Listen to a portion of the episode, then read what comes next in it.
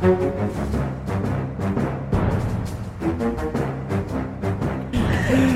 da setter vi i gang med denne ukens Aftenpodden. Eh, på plass i studio eh, nok en torsdag. Eh, det er Lucia-dag. Ja. Så vi har uh, Hva er det? Stjerne... Nei, hva heter det? Lucia Lucia, hva, unnskyld hva meg. heter hun, den sjefs-Luciaen? Hvem er det? er Santa Lucia. Det selveste Santa Sankte Santa Lucia. Lucia. Selveste Ja, Trine Eilertsen. Eilertsen. Ja. Hallo. Jo, takk, hei. Takk, takk. Da vil jeg være Stallargren. Stallargren, Sara Sørheim og stjernegutten Lars Glomnes. Men unnskyld, nå bare mista jeg helt Nå tryna jeg på hoppkanten her i det øyeblikket vi kom i gang. For var ikke Lucia-dagen i går? Nei, Nei, nei. i dag. Herregud. Ja. Det var bare du som er i en sånn ugudelig barnehage at du ikke har noe At dere ikke feirer det. Men i, i vår barnehage så er det i dag. Men jeg har sunget Lucia-sang for barna og alt, jeg, i går. Ja, OK, whatever. Det føyer seg inn i rekken med sånn når du, ja, når du uh, lurer barna dine til å tro at de har bursdag på en annen dag enn når de egentlig har bursdag. En kalenderforvirring Vi må komme i gang med denne Ja. sendingen. Jeg skal komme over dette veldig forvirrende øyeblikket. Ja ja. Ja. Eh, vi skal eh, ut i verden i Sverige og til eh, Petter Northug og til alt mulig rart annet. Men vi starter med din lille tur ut i verden. Trine Eilertsen, du, Ja, du mener var tvers over gaten? Tvers over gaten. Eh, sånn. Ja. Du har vært på fremleggelsen av Klimarisikoutvalgets rapport. Ja, så nå, til glede for lytterne, så løfter jeg nå opp rapporten og viser den til Sara og Lars. En NOU. NOU eh, 2018 kolon 17. Det betyr 17 NOU-en som har kommet ut i år. Ja. Norges offentlige utredninger. Og hvis noen skulle falle fra allerede her Så, så tilgir jeg de aldri. Aldri. NOU-er skal være glad for. Ja. Så nå eh, stryker jeg litt på den. Ja, Fin, altså- fin sak. Vi tok eh, Trine Baside, vi tok Trine i å faktisk sitte og puse litt eh, på denne samlingen ark eh, i stad. Sånn- Og du virket helt sånn like genuin. Men la oss starte her. En, en hva er det? NOU står for Norges offentlige utredninger. Ja. Og, og typisk hvis en regjering har lyst til å finne ut av et eller annet, eller de har lyst til å legge frem en eller annen sak, så ber de noen å settes ned i et utvalg. Eh, jobbe med det. Har de sekretariat i et eller annet departement, kommer helt an på hva NOU-en skal handle om. Og så jobber de frem en slags sånn eh, rapportlignende sak, og de drar opp eh, her er hovedbildet, her er noen forslag, her er noen dilemmaer. Så kan du begynne å lage politikk med utgangspunkt i det. Ja, for det er liksom grunnlaget for at Stortinget skal kunne behandle en sak. sant? Det er jo en slags sånn, de leverer, de leverer det inn til Stortinget, sant? Eller har jeg misforstått nå? De leverer den til statsråden. Ja. Og så må jo da eh, politisk ledelse bestemme seg for hva de gjør med dette her. Om de vil utvikle noe politikk med utgangspunkt i det, og som de da går til Stortinget med og vil ha de til å ta stilling til. da. Nå tenkte jeg nemlig på en stortingsmelding, som er noe annet. Det er noe annet Takk. enn det. Men eh, dette fengende navnet, altså Ja, De driver ikke med hard vinkling eh, av saker eh, i Finansdepartementet, så det heter klimarisiko og norsk økonomi. Eh, kort eh, bakteppe. I noen år nå eh, så har jo miljø- og klimadebatten har endret seg. I gamle dager, når sånn som jeg var ung, så handlet det mye om utslipp, oljeutslipp. Skadede fugler, eh, Norge måtte slutte å forurense. altså Veldig sånn fysiske utslag av eh, olje- og gassindustri. Så i de siste årene så har mange begynt å stille spørsmål med ok, la oss si at klimapolitikk nytter. La oss si at uh, vind og sol erstatter gass og olje når du skal produsere elektrisitet. Kan det gjøre at olje- og gassreservene våre blir mindre verdt? Kan det gjøre at det ikke lønner seg å investere penger i den bransjen? Kan det gjøre at vi som nasjon burde være mer forsiktige med å prioritere så mye ressurser, forskning, eh, skattefradrag eh, inn i en næring som kanskje plutselig ikke vil gi de verdiene som man har gitt oss. Og så har det vært diskusjon innen risiko knyttet til klima med det utgangspunktet. Så nå, nå bare Ja, jeg også. For jeg tenkte sånn, helt sikkert det samme som deg, Lars. At bare, risikoen her er selvfølgelig at jorda går under fordi det blir klimakatastrofe. Det er Ja, risikoen. ja. Ja, ja, dere er der. Se, pollettene faller ned her. Nei, nei. Jeg er imponert. for det er nå det går opp for meg at Nei, nei, risikoen er at Norge skal tjene mindre penger. Ja, Ja, ja, ja. ja, ja. ja. Ja, men Er ikke det helt himmelropende selvsentrert i en situasjon hvor liksom det, altså det helt reelt er klimakatastrofe som truer, og så er vi opptatt av å nei, vi får tjene litt mindre penger på olje. Ja, jeg skjønner at du spør, og jeg er glad for at du har sånn baby østlandsdialekt når du spør dumme spørsmål. Det er jeg glad for. Det har jo gått i god lære. og det var ikke et dumt spørsmål, skal jeg si deg. Fordi at uh, det, det, som utvalget gjør altså de, de, Mange har snakket om det, at uh, dette er Norge nødt til å gå inn i. Sånn at vi har jo den diskusjonen skal vi legge ned oljenæringen for å bidra til verdens klimalykke. Ja, mange mener jo faktisk det. Uh, mange mener det. Og så er det en del som mener at nei, nei, nei, vi må bare ta opp så mye som mulig, så vi får vekslet oljen om i penger mens vi enda kan. Altså oljefond, som vi kan investere i andre ting. Opp med oljen, opp med det, opp med eneste dråpe, som Frp ville sagt. Og så bare utnytte at vi har det der nå, mens det ennå gjelder. Eh, og så mener jo mange fornuftige stemmer da, at nei, nå må vi gå inn og se. Hva betyr dette? Hva er klimarisiko? Finansmarkedene, oljefondet, Equinor, altså næringsliv og finans, de har holdt på med dette i mange år. for Hvis det er en ting de er opptatt av, så er det jo risiko for at du skal investere penger et sted, og så forsvinner de pengene. Som ikke er verdt noen ting etter hvert. Det blir ikke verdt ja. noe, sant? Mm. Så de har jo holdt på med det, men da har liksom helt inn spørsmålet vært den norske stat. Bør ikke staten Norge som er så engasjert i olje og gass på eiersiden, som regulator, som skatteinnkrever. Altså det, det er, vi kaller det Norges viktigste næring, og det er jo ikke å overdrive. Mm. Så da For ett år siden satte de ned dette utvalget skulle se på det. Og, de, og der kommer vi tilbake til ikke så selvsentrert, selv om det er det også. De deler jo også klimarisiko. Kan, du kan dele i to. En er fysisk risiko. Hva, mm. hva kan klimaendringene gjøre eh, med vår velferd nå på kort sikt, egentlig. Ja, altså type ekstremvær som raserer eh, Ekstremvær. Ja. Bøndene må nødslakte kyr som ikke får vann. Uh, du kan uh, i enkelte land så, Det er jo de fattige landene som blir hardest rammet. Mm. Så land, land, kan forsvinne. Jordsmonn kan forsvinne. De får ikke laget mat. Folk legger på flukt. Du får migrasjon. Angår oss. Du kan få kamp om ressurser. Angår oss. Mm. Kan liksom, det kan bli veldig mye konflikt i verden pga. det. Angår oss.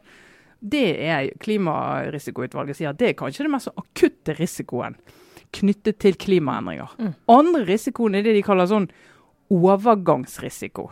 Vi må gjøre noe, vi må flytte oss over i et lavutslippssamfunn. Det er risiko knyttet til den overgangen.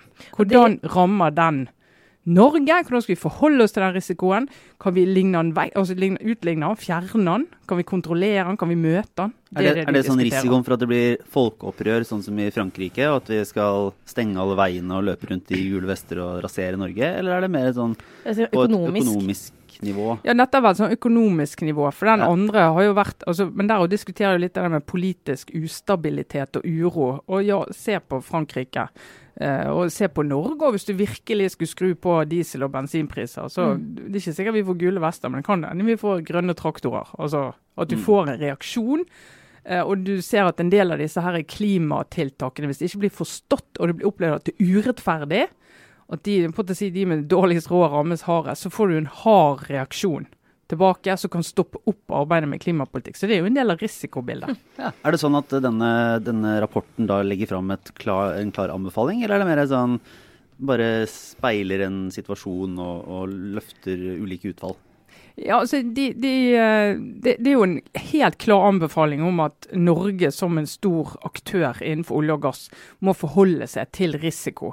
Eh, klimarisiko. Hvordan de understreker at du må stille spørsmålet på en sånn måte at hvis klimapolitikken lykkes, og det håper vi alle at den gjør, hva betyr det for oss og vårt næringsliv? Mm. Hva betyr det for vår satsing innenfor olje og gass? Hva betyr det for måten vi prioriterer mye rart på, egentlig? Og sier du, du må tegne opp det. Man kan jo mistenke Finansdepartementet, i hvert fall hvis man tar på seg litt sånn eh, Natur- og Ungdom-briller, eller tenker liksom litt sånn man med, med rette også kan tenke, at uh, for mange som er ansvarlig for liksom, velferdsstatens fremtid, så er det å beholde den olje- og gassnæringen og få å tjene mest mulig penger, det er førstepri. Sorry, liksom. Vi skjønner at det er klimautfordringer, men akkurat vi er satt her til jorden for å passe på velferdsstaten. Vi må tjene penger. Altså, hvordan balanserer de det? For er det Ja, altså nå Finansdepartementet de skal jo nå lese dette, det har de jo helt sikkert gjort, og sekretariatet sitter vel der, så de, de, de kommer nok ikke som noen stor bombe. Men utvalget kommer jo ikke fra departementet. Det er jo satt uh, sammen av fagpersoner på utsiden av uh, departementet. Uh, som kommer med sin, sin vurdering og sin altså, anbefaling. Og egentlig det de ønsker er jo at ikke bare norske stat, men liksom næringsliv, små og store bedrifter skal ha et forhold til klimarisiko på et sånn økonomisk nivå og regne det inn. Da. At ikke det er bare en sånn, altså, for, for, I hvert fall inntil ganske nylig så har jo det vært å å ønske seg en sånn risikovurdering. Altså er olje- og gassressursene våre har de den verdien vi tror de har? Skal vi satse så mye på det som vi sier mm. at vi skal? Det, det har blitt lest som en nesten sånn trussel mot næringen. da. Og Derfor har Høyre og Frp vært egentlig slept beina litt etter seg. I hvert fall blitt opplevd sånn. Slep beina etter seg. Ikke helt, men så OK, vi gjør jo det, da. Får vi se på dette her. Og nå har de fått det dokumentet. Og Det var jo litt eh, morsomt i går da det ble lagt frem. så og det er bare tilfeldigheter, så var jo Siv Jensen var jo forsinket, så hun fikk jo ikke med seg eh, presentasjonen. så, hun, så hun kom liksom midt i, sa tusen takk for rapporten, og så måtte hun gå. Så Så var det sånn Tusen takk, men nå går jeg hjem og leser denne. Ah, stilig. Men hvordan var det, var det er, det en veldig, er det en viktig ting, eller er det bare noe som si, du bryr deg om? Altså, var, det, var det flere som var på framleggelsen? Ja, ja, det var vi, men det var ikke en av de store. Det skal jo sies. Det var ikke en av de store. Men det som var interessant, det var at det var jo en del sånn eh, Reuters og Bloomberg og en del sånne type presseinstitusjoner som er der. fordi at sett fra utsiden, da, når du ser på Norge fra utsiden, så er dette hvordan Norge forvalter den rollen som oljeeksportør, en av verdens største olje- og gasseksportører. Eh, Og eh, klimaforpliktelser. Det er veldig interessant sett fra utsiden. Så de er litt sånn OK, betyr dette at Norge ikke skal bore i nord? Betyr det det? Og sier utvalget det kommer ikke vi til å si noe om. Det er, ikke, det, det, det- er litt av poenget med denne rapporten. at Det kan ikke vi mene noe om. Jeg mener at når du skal regne på om du skal gjøre det, så må du ta inn altså ut fra en sånn Vil det ha verdi? Er det, er det for dyrt som gjør at du ikke vil få pengene dine igjen? Men de sitter ikke og går inn i sånn Altså at det ikke er idealisme på den måten. Nei. Men, men eh, de, altså MDG, for å, uten å skulle spesifikt peke på deres eh, posisjon, men det de som er veldig tydelige på miljøvernsida, vil vel si at dette er en risiko som må legges inn i, i vurderingene om utbygging av nye felter, sånn at det på en måte nedskriver verdien potensielle oppsida ved å bygge ut. Fordi risikoen er så stor, og dermed så blir regnestykket litt annerledes. Ja, og det er jo, det er jo hele den eh, Hvordan skal du regne på eh, altså, om et sånt felt, et sånt prosjekt lønner seg? Sant? De er liksom tydelige på at ting som allerede er i gang, der du allerede har gjort investeringene, det lønner seg åpenbart, sånn rent økonomisk og i en sånn tidshorisont som at verden trenger olje og gass i den tidshorisonten hvor de, de feltene lever med. Hvis du skal gå, inn i noe nytt, og i Norge så kommer det til å bli Barentshavet, så blir, det, ikke bare blir, men er den store debatten. Skal Norge gå inn der? Eh, og Da vil jo næringen sjøl si at eh, det, det Ja, skal det vi skal få vi. til, Ja. og det skal vi. Eh, og staten vil mene det, men hver regjering du kan tenke deg. Og så vil eh, de som er, ønsker at Norge skal kutte i klima og gass, si at eh, en av problemene med det, et av problemene med det er at det ikke vil lønne seg økonomisk. Og det er da denne de- rapporten danner et utgangspunkt for den Prøv et rammeverk for en sånn diskusjon. Lage et rammeverk for en sånn diskusjon. Og det, jeg har ikke lest alle detaljene i det rammeverket, men det, faktisk den er godt skrevet. Jeg anbefaler folk å lese den, for du får veldig god innsikt i klimautfordring og ja, dilemmaene. da. Men det er du- godt skrevet. Les det. Det har skjedd noe med bare sånn en liten digresjon, men eh, nå er det stort sett Det er ikke så, det er ikke så mange NOU-er jeg leser i løpet av et år. Og, men jeg, eh, det har skjedd noe med den jeg ene. Det jeg, det jeg leser, er jo kulturbudsjettet. Altså i statsbudsjettet, altså kulturdelen. Som har blitt helt sånn betraktelig mer velskrevet de siste årene.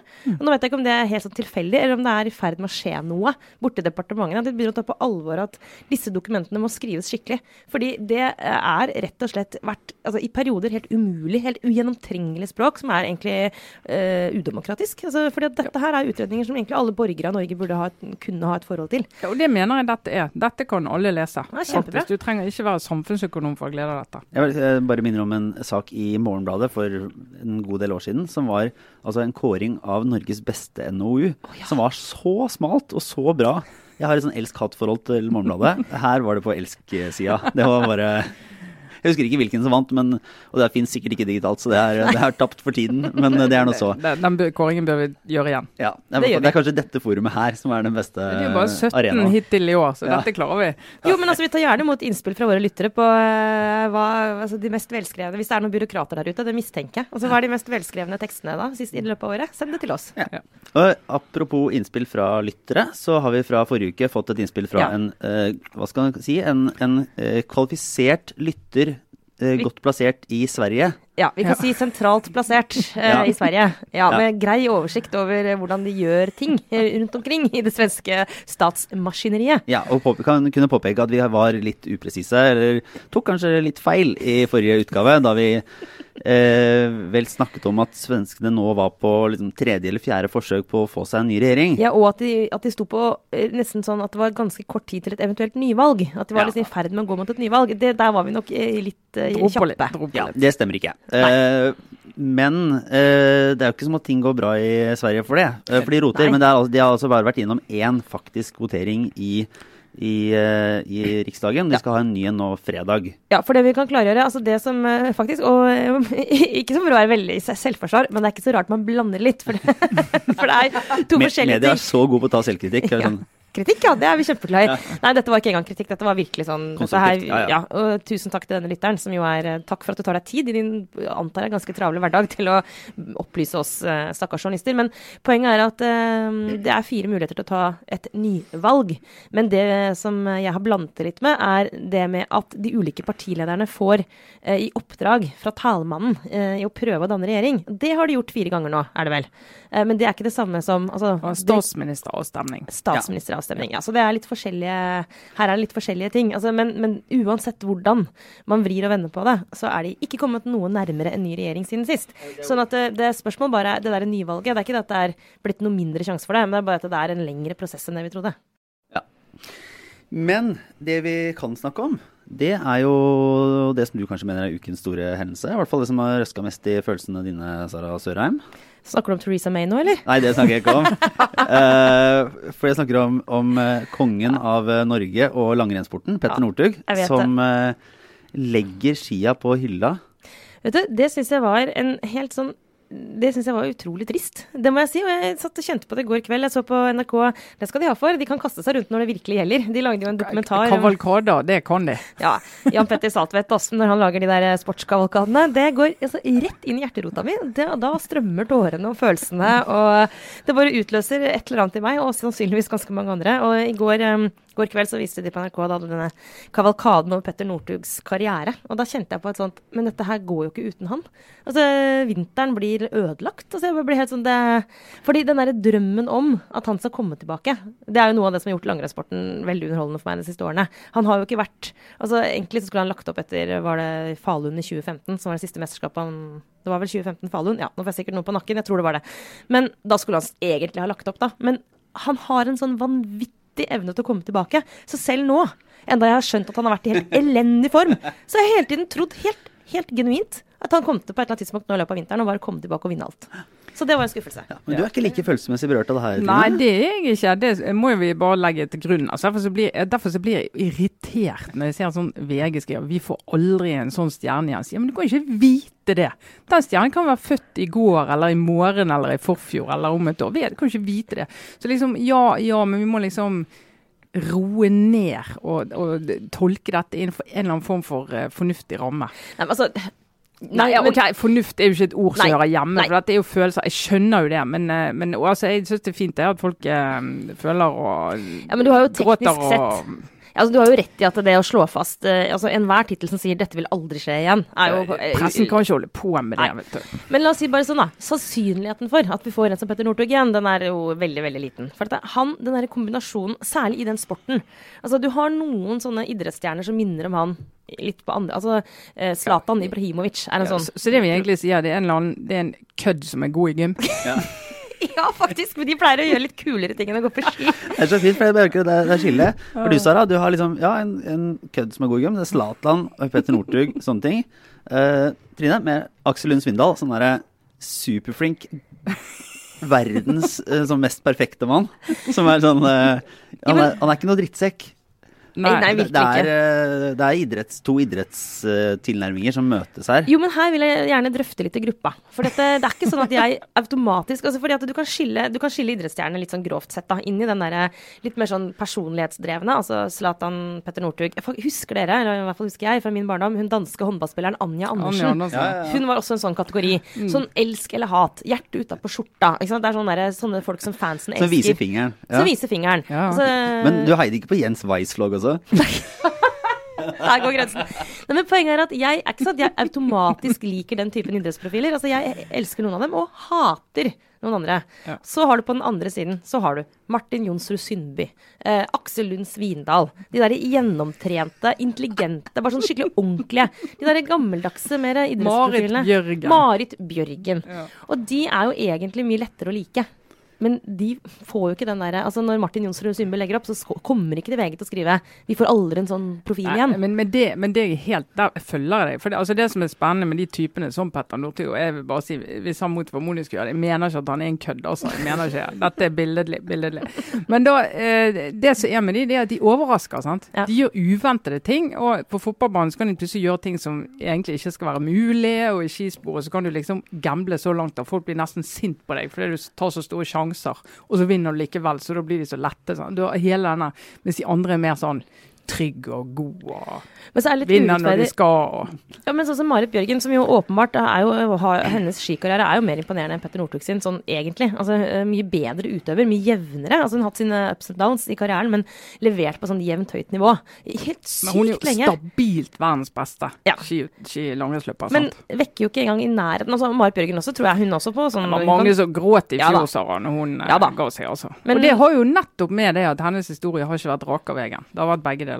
Det kan du si. Så det har hun faktisk ikke til felles med Petter Northug. Men det er litt liksom urettferdig også at Petter Northug får den der posisjonen han får liksom litt fordi han tar så store sjanser og er liksom en rebell, da. Men for, og det mener jeg helt seriøst, for skisporten sin del. For jeg er faktisk også helt sånn genuint bekymra for at langrennssporten bare kommer til å dø ut. Altså, det tenker jeg ganske mye på. Profil, altså. ja. Og det er jo sånne som han, som, som skaper liksom en slags sånn entusiasme i et sånn bredere lag enn oss som ser alt av verdenscupen på langrenn. Jeg innser at ikke vi er kjempemange. Eh, og dessuten så trenger vi en fyr som også er interessant liksom, utenfor Norges grenser. Fordi jeg er veldig glad i Martin Jonsrud Sundby som idrettsutøver, men det er ikke en sånn wow-faktor kanskje i f.eks. Belgia. Og vi trenger flere europeiske land med med i oss. Belgia, ja. Ja, Men eh, det er veldig få arenaer også som er som, altså, Hvis du tenker på mer sånn der, løfter det litt på sånn, hva betyr disse folka for, liksom, for oss, for det norske samfunnet, for vår felles kultur. Så, så nå er det sikkert også mange som himler litt med øynene, vil jeg tro, for det er ikke alle som er interessert i sport. Men tross alt, da. Det er overraskende mange, og det er ikke så veldig mange andre arenaer vi har lenger som er sånn ekte fellesarenaer. Så det også er liksom faktisk helt sånn reelt viktig med sånne karakterer som Petter Northug. At det blir noe sånn samlende ved det. Det, er, det, er, det sier noe om oss som nasjon, faktisk. Og det, det, ja, det er fint at det, at det finnes sånne karakterer. Det er litt lei meg for at han jeg bare, Men han blir vel ikke borte. Tviler Nei, jeg på. nei, jeg er spent på hva han skal gjøre. Ja, det Men jeg lurte på, hvem er det som er, eh, hvem er på stående på sånn strak arm? Hvem er politikkens Petter Northug? Uh, eh, Norsk politikk? Altså en sånn type Og du, du har et forslag, jeg ser det på deg. Jeg ser det på hele deg, Lars. Bare kom med forslaget ditt, du. Per Sandberg? Ja, det verste av alt det er ikke så, altså, Han er rebelsk. Han er jo dyktig, men han er uforutsigbar. Kanskje Eh, ikke sånn uh, universelt elsket, men det er jo ikke Petter Northug heller. Nei, Nei, nei, absolutt nei, nei. ikke. Nei, nei, nei. Altså, han er jo veldig sånn uh, polarisert, eller polariserende figur. Det er jo veldig mange som misliker han sterkt, og, og egentlig med gode grunner. Uh, når han liksom går baklengs over målstreken, eller hysjer til publikum, eller driver med disse ablegøyene sine. Det er noen som opplever det som foraktfullt, f.eks. For å vise forakt for Mm. publikum. Og det jeg skjønner det, eller for svenskene. Aksel Lund Svindal er i hvert fall Jens Stoltenberg. Å, herregud, ja. Mm. jo, og hvis du virkelig må velge, da. Jeg skjønner jo det når vi overfører det til et annet velg. Så du må velge mellom liksom P. Sandberg eller eh, eller Stoltenberg når det kommer til sånn å styre landet. Da kjenner jeg at da går jeg for Bjørgen-typen. Det syns jeg det er greit. da, da er det dem jeg heier på. Men heldigvis skal ikke idrettsstjernene våre styre landet. Takk Gud. Det Vilt forskjellige arenaer. Det er bare, bare for å ha det sagt. Ja, du, du mener at det bør understrekes? Jeg må nesten må få det understreket. Ja, kjør på, Lars. Ja, ja, nei, eh, vi har vel litt obligatorisk refleksjon inn i, eh, inn i helgen. Har vi uh, for noe annet vi egentlig glemte da? No, nei, men når du spurte meg om liksom hva som har berørt meg mest altså Det er jo emosjonelt ingen tvil om at det er Petter Northugs Jeg tror jeg brukte et sånt Jeg la ut på Facebook et sånt hjerte med sånn, der, sånn brustent hjerte. Uh, helt sånn uten at det var noe ironisk. Og tenkte etterpå at det, nei, det var kanskje litt sånn teit. Glemmer litt sånn Nils Rune så- Langeland glemmer at Facebook er ikke en privat arena. Men så Kulturredaktør Karen Kristine Blågestad i Feven skrev også et kjærlighetsbrev til eh, Petter Northug. I går så du er en kulturredaktør. Du er ikke alene, Sara. Nei, men for det er altså, denne uken egentlig veldig mange ting. Så det er sånne klassiske sånne boblere. For det er en rettssak som pågår nå eh, mot den avskjedigede professor Nils Rune Langeland, eh, som er uhyre interessant, eh, og som vi kanskje kan snakke om ordentlig en annen gang. Men som handler om, apropos brustne hjerter på Facebook, som veldig mye handler om når du har en, en rolle Nå er jeg ikke være professor, jeg er ikke som er politiker, og er ikke tillitsvalgt på den måten, men du har en ansvarlig rolle. Hvor går grensene for hva du kan si og, og skrive og gjøre i en sånn deloffentlighet? Altså helt konkret i denne saken her. Hvor, hvor, hvor mye kan du Altså hvor mye dumt eh, borderline til og med rasistisk, eller på grensen til trakasserende seksuelt, kan du skrive på Facebook og likevel forvente å kunne beholde den jobben. Helt konkret, da. Dette er en sak om han fikk sparken fra, fra jobben sin. Uhyre interessant diskusjon. Eh, sannsynligvis ganske sånn en sak som han aldri burde tatt for retten, fordi en rettssak er åpen, og det, det, ja, det er litt sånn Da, da kommer jo all dritten fram, virkelig. Men, eh, men akkurat den derre eh, offentligheten vi er i nå, det begynner å vise seg at det er ikke så lett for folk å håndtere den typen offentlighet som vi har blitt. Uh, og det synes jeg, men, men det var tror, du tror du den kommer til å få noen følger? Altså, er, er det noe prinsipielt ja. der som kommer til å endre hvordan arbeidsgivere og egentlig ansatte, enten det er offentlig eller ikke, må ja, agere i sosiale medier. Ja, mm. fordi eh, i, altså det, Langeland, den professoren, har blant annet, han har brukt det, det med skal jeg, altså, Hans ytringsfrihet er jo et av argumentene hans for hvorfor det bør være mulig for en i hans stilling å, å, å kunne liksom ytre seg som man vil på f.eks. Facebook. Da. Og, måte, han har stilt spørsmål ved det at jeg har vært professor. Skal jeg da ha en begrenset ytringsfrihet? Altså, for så vidt med rette da, stilt det spørsmålet. Så er det også noe i disse sakene som ikke handler om ytringsfrihet, som handler om trakassering. Da er det over annet, en annen lovgivning. Men uansett, um, så er spørsmålet sånn ja, men Uh, no, med noen roller så følger det faktisk et ansvar som gjør at du kan ikke si og mene hva du vil. Uh, og tidligere så foregikk de samtalene uansett i mer lukkede rom. Altså du hadde middagsselskaper, kanskje, jeg vet ikke hva de drev med. Men nå når det, disse samtalene er flyttet over i en offentlighet, så ja, det kan faktisk være at det er sånne saker som dette. Kanskje ikke denne saken bare i seg selv, men vi er i en fase nå hvor det er noen sånne trefninger hvor vi må sette opp noen sånne grenser på nytt. For hvordan skal vi oppføre oss i dette her mellomrommet, da. Som det, hva skal vi kalle det for noe? Sosiale medier, sånn semioffentlighet. Tror du, Trine, at det at det er mer, også at det er tillatt mer eller tillatt mindre? Fordi folk, altså den derre uh, hva skal si, seminærheten og semioffentligheten, altså det grenselandet Folk blir jo vant til å dele mer enn det de har gjort før. Mm.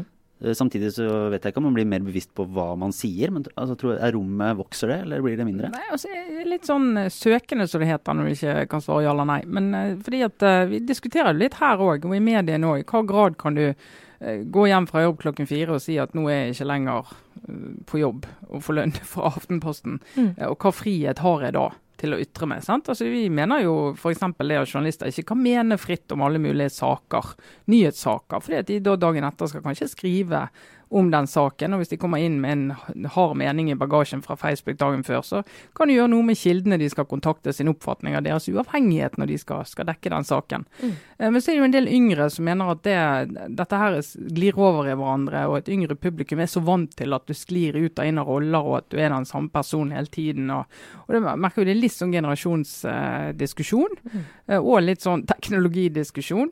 Og, og, samtidig som vi ser at det er en del av de eldste som er verst mm. i sosiale medier. Så det er ikke det at de yngre liksom er mer fri. De er Noen av de eldste de skjønner jo ingenting av disse grensene. Ja, for Hvis du har vokst opp med sosiale medier og den scenen, da, så har du sannsynligvis også lært deg noen sånne altså Det er sånne sosiale korrigeringer som foregår hele tiden, hvor du, lærer deg rett og slett bare så disse her usynlige spillereglene. da. Uh, men det er klart for de sånn 50 pluss-generasjonen så, så, plutselig bare fikk et voldsomt nytt dansegulv å uttrykke seg på. Og ikke minst da, ikke sant, muligheten til å ta kontakt med folk på en helt annen måte. Altså det, du kan sende, sånn som denne professoren har gjort, sendt meldinger til studenter f.eks. Altså sånn, og det er som et barn i en godtebutikk. Unnskyld, dårlig metafor. men hvor bare, hvor du plutselig bare uh, Og så skal du sette noe på kontoen for at det er kløneri. Uh, men selvfølgelig også i det, denne konkrete saken, som jeg tok utgangspunkt i nå, så er det mye mer enn bare kløneri. Altså. Det sånn, virker som om det er altså, det, er en, det er en veldig alvorlig sak i bunnen her. Men, men, sånn generelt så er det også veldig mye sånn læring som bare ikke har blitt tatt. Så um, vi må bare Det her går ikke bort. Så om det danner presedens juridisk, vet jeg ikke, Lars. Men jeg håper den saken i hvert fall liksom, Den må få folk i sånne posisjoner til å tenke, da. Egentlig skal jeg snakke om kjolen til Sara Danius. Skal vi bare, bare si bare sånn hyll den? Eh, og for de av dere som ikke vet hva jeg snakker om, så er det altså den sinnssykt kule eller hva skal vi kalle det? Eh, I Oppsiktsvekkende, må vi i hvert fall kunne si. Kjolen som uh, Sara Danius, som da måtte gå fra jobben som stendige sekretærere hva nå det egentlig betyr, i Svenske Akademien, i denne store skandalen rundt akademien, kom på Nobelfesten, som er den viktigste, største, mest sånn virkelig sånn elitefesten i, i, Sverige, i Stockholm, i forbindelse med nobelprisutdelingene, kom på den festen i en kreasjon altså ro, rosa og oransje. En kjole som satte alle andre bare bokstavelig talt nesten i skyggen. Veldig kule bilder av, av sånn ovenfra der du bare ser alt annet blir bakgrunn. Uh, og hennes uh, kjole, og hun blir det eneste som egentlig syns. Ja, bare flyter nedover trappene og sitter ved middagsbordet. Det er spektakulært. Kunne dere, kunne dere gått med? Jeg kunne aldri gått med den hvis ikke jeg måtte, fordi f.eks. For jeg skulle vise verdens største finger til en karakter som Horace Engdahl, f.eks.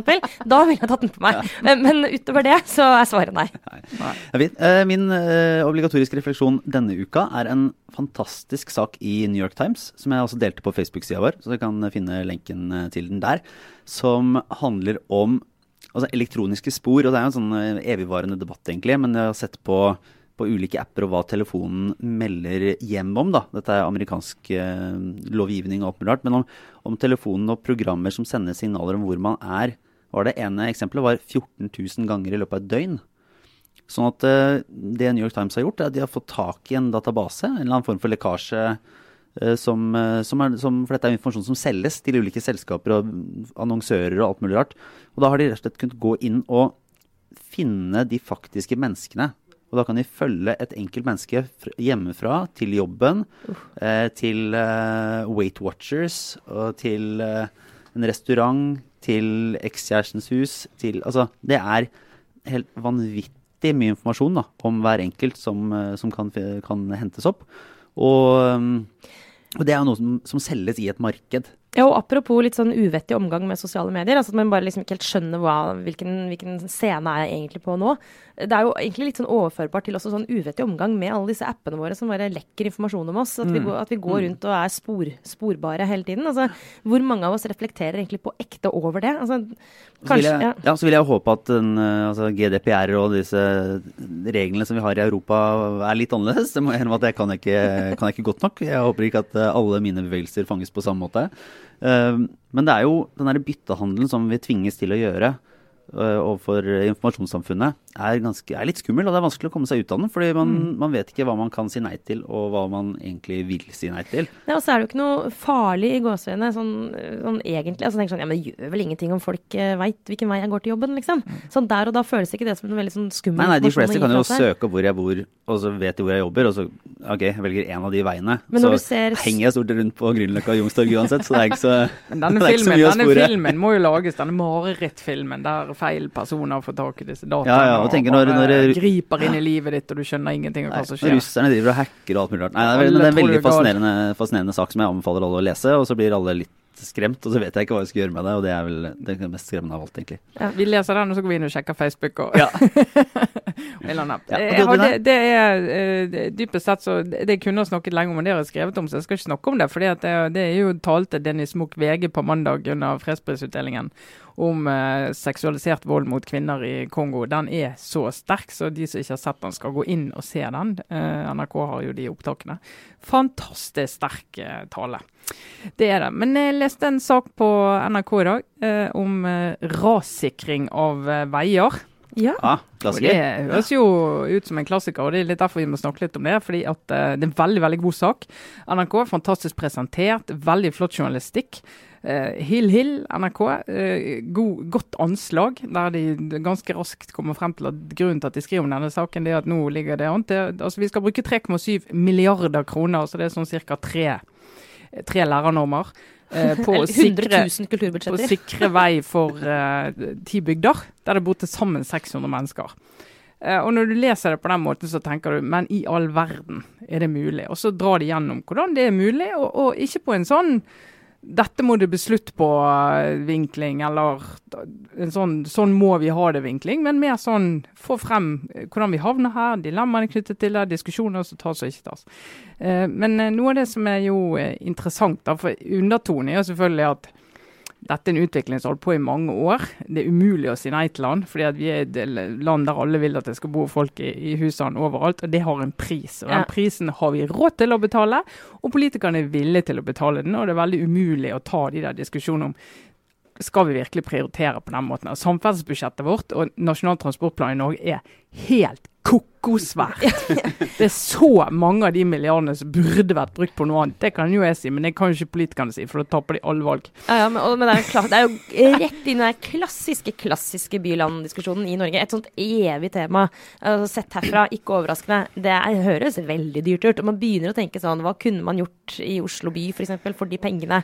Altså, ja, ja, og så videre. Så, ja, men, altså, det, Åpenbar tanke. Det er jo ikke også sette opp mot liksom, Oslo by heller, da. Men du kan tenke Det kan være Bodø. Ja, ja, okay. Eller det kan være Bergen og omegn. Altså, men det er, jo, det er jo tettsted mot småsted, da, om du vil. Sant? Eh, ligger jo selvsagt under her. Men det som jo er interessant, som vi snakket om den eh, her hos oss i dag, det var jo som en eh, poengterte at det, det eneste den saken mangler, det er alle de oppslagene fra NRK Sogn og Fjordane og Hordaland og alle de andre lokalkontorene som vinkler hardt på at bygda trenger vei, bygda trenger bro, bygda trenger tunnel, trenger rassikring. Må få det. Politikerne vil ikke gi det. Altså Alle de oppslagene er jo en viktig forklaring på hvorfor. Eh, vi har havnet her, så noen mener veldig fint at vi har havnet her, mens noen tenker at burde vi ha en større diskusjon om, om, om det andre måter å, å svare på utfordringene med å bo langt fra tettsteder da, enn det, det. Men en veldig god sak, så NRK skal all ære, all ære for det. Ja, og også fordi at det de nettopp ikke gjør denne gangen, det er den der klassiske saken som du beskriver nå, Trine. Og den er det også mye av i, på mitt felt, i kulturjournalistikken. Den der eh, type en dansetrupp roper opp, eller slår alarm fordi det blir kutta, støtten blir kutta i statsbudsjettet. Veldig mye sånn type journalistikk som er basert på sånn vil ha penger, fikk ikke penger, er sure. Eh, Dette ja, er rasering. Misnøye, sant? Ja. Men, men, det de har gjort, er å ta det ett sted lenger. Ja. Uh, og, og, bare si OK, hvis vi skal høre på alle de hver gang. Hvor havner vi da? Da havner vi her. Mm. Var det det vi ville? Var det planen? Og Det, det syns jeg er et godt spørsmål. Å ta ansvar for ikke skape et sånt politisk klima hvor det å si et fornuftig nei eh, blir umulig, da. Ikke sant? Altså, du, eh, for det kan jo være noen ganger at det er riktig å si at da, dere er kjempeflinke til å danse, men det er ikke forsvarlig å bruke de statlige pengene på Altså det er for mange dansetrupper. Ja, Unnskyld. Men, jo, men det er jo litt sånn med, med, med, med altså, Men jeg kan sammenligne veiutbygging og, og samtidsdans, men, men uh, det er jo sikkert noen Altså, man må liksom forstå er det, altså, er det reelt Er det riktig at vi bruker så vanvittig mye penger på den type veipeking? Ikke vet jeg, men at NRK viser vilje til å gå inn mye mer sånn Um, nøytralt egentlig inn i den problemstillingen og bare vise de ulike sidene ved dette ganske komplekse ja, veldig spørsmålet. Veldig Jeg tenker Det er jo helt naturlig at, at distriktskontorene til NRK taler på vegne av de som nei, bor der. Det er ikke jo. jobben å være mikrofonstativ, selv om du er, jo, på bygdene. Nei, men det må jo være Det er jo en medias rolle å, å løfte problemstillingen for de små. Så jo, men det er for enkelt sånn å bare ta de som er sure, da. Det er poenget mitt. Ja, men det, men det jeg mener at vi er faktisk nødt til å greie å gjøre begge deler. Altså Vi er nødt til å greie å være Ja, men det gjør NRK da nå. Ja, det er det de gjør. Men det er det jeg mener. Men det er derfor jeg blir jo imponert over det. For vi bør gjøre det oftere. Jeg bør fortelle de enkelthistoriene. Men så med gjerne mellomrom så må vi løfte opp ok, hva blir totalbildet av dette. Altså Hvis du hadde tatt alle sakene i alle medier der vi formidler noen som er misfornøyd med et kutt, eller som mener de skulle fått mer, uh, mer penger, et eller annet, det og sett hva statsbudsjettet du hadde fått da. For å si det sånn, Det landet vil du ikke bo i. Mm. Så av og til så må du løfte det opp bare for å si hva, hva, sier dette om våre prioriteringer, og var det egentlig meningen vi skulle prioritere sånn, eller var det andre ting vi kunne bruke de pengene på? Jeg bare helt til slutt minne om en annen veldig god NRK-sak fra noen år eh, siden. Det var om disse broene. For da var det alltid regna hvor mye penger man hadde brukt på å bygge broer ute i sånne små øyer der hvor det bor veldig få mennesker. Uh, og det var mye penger. Og fasit var at uh, de som bodde der, hadde naturligvis brukt brua til å kjøre over og flytte. Ja. Verdens dyreste flyttebil. ja. Sånn, uh, nei, men det er vel det for denne uka. Vi minner om at vi har en Facebook-side der vi deler alle tingene vi snakker om, og litt forskjellige andre greier i løpet av uka. Og så eh, selger vi vår fantastiske merch på eh, aftenpodden.no. Der kan man eh, gå inn og finne kopper og krus eh, for de som er veldig glad i f.eks. utredningsinstruksen. Uh, og så er vi tilbake neste uke. Det er vel, det er vel uh, siste før jul. Ja, nå er vi inne i den sjokkerende For det er jo, er det jo juluken etter. Ja. Ja, det begynner å, begynner å, demre for uh, sånne som f.eks. meg og Trine at det, nå Trine, er det på tide å kjøpe de julegavene. For nå nærmer det seg skikkelig. Så dette er den stressuka. Men midt oppi det, så vi rekker å lage en aftenpod. Det får ha høyeste pri. For ja, ja. barna får ullsokker. Ja. Det blir mest glad for uansett. Uh, vi takker for uh, denne gang. Trine Eilertsen, Sara Sørheim, jeg er Lars Glomnes. Ha det bra.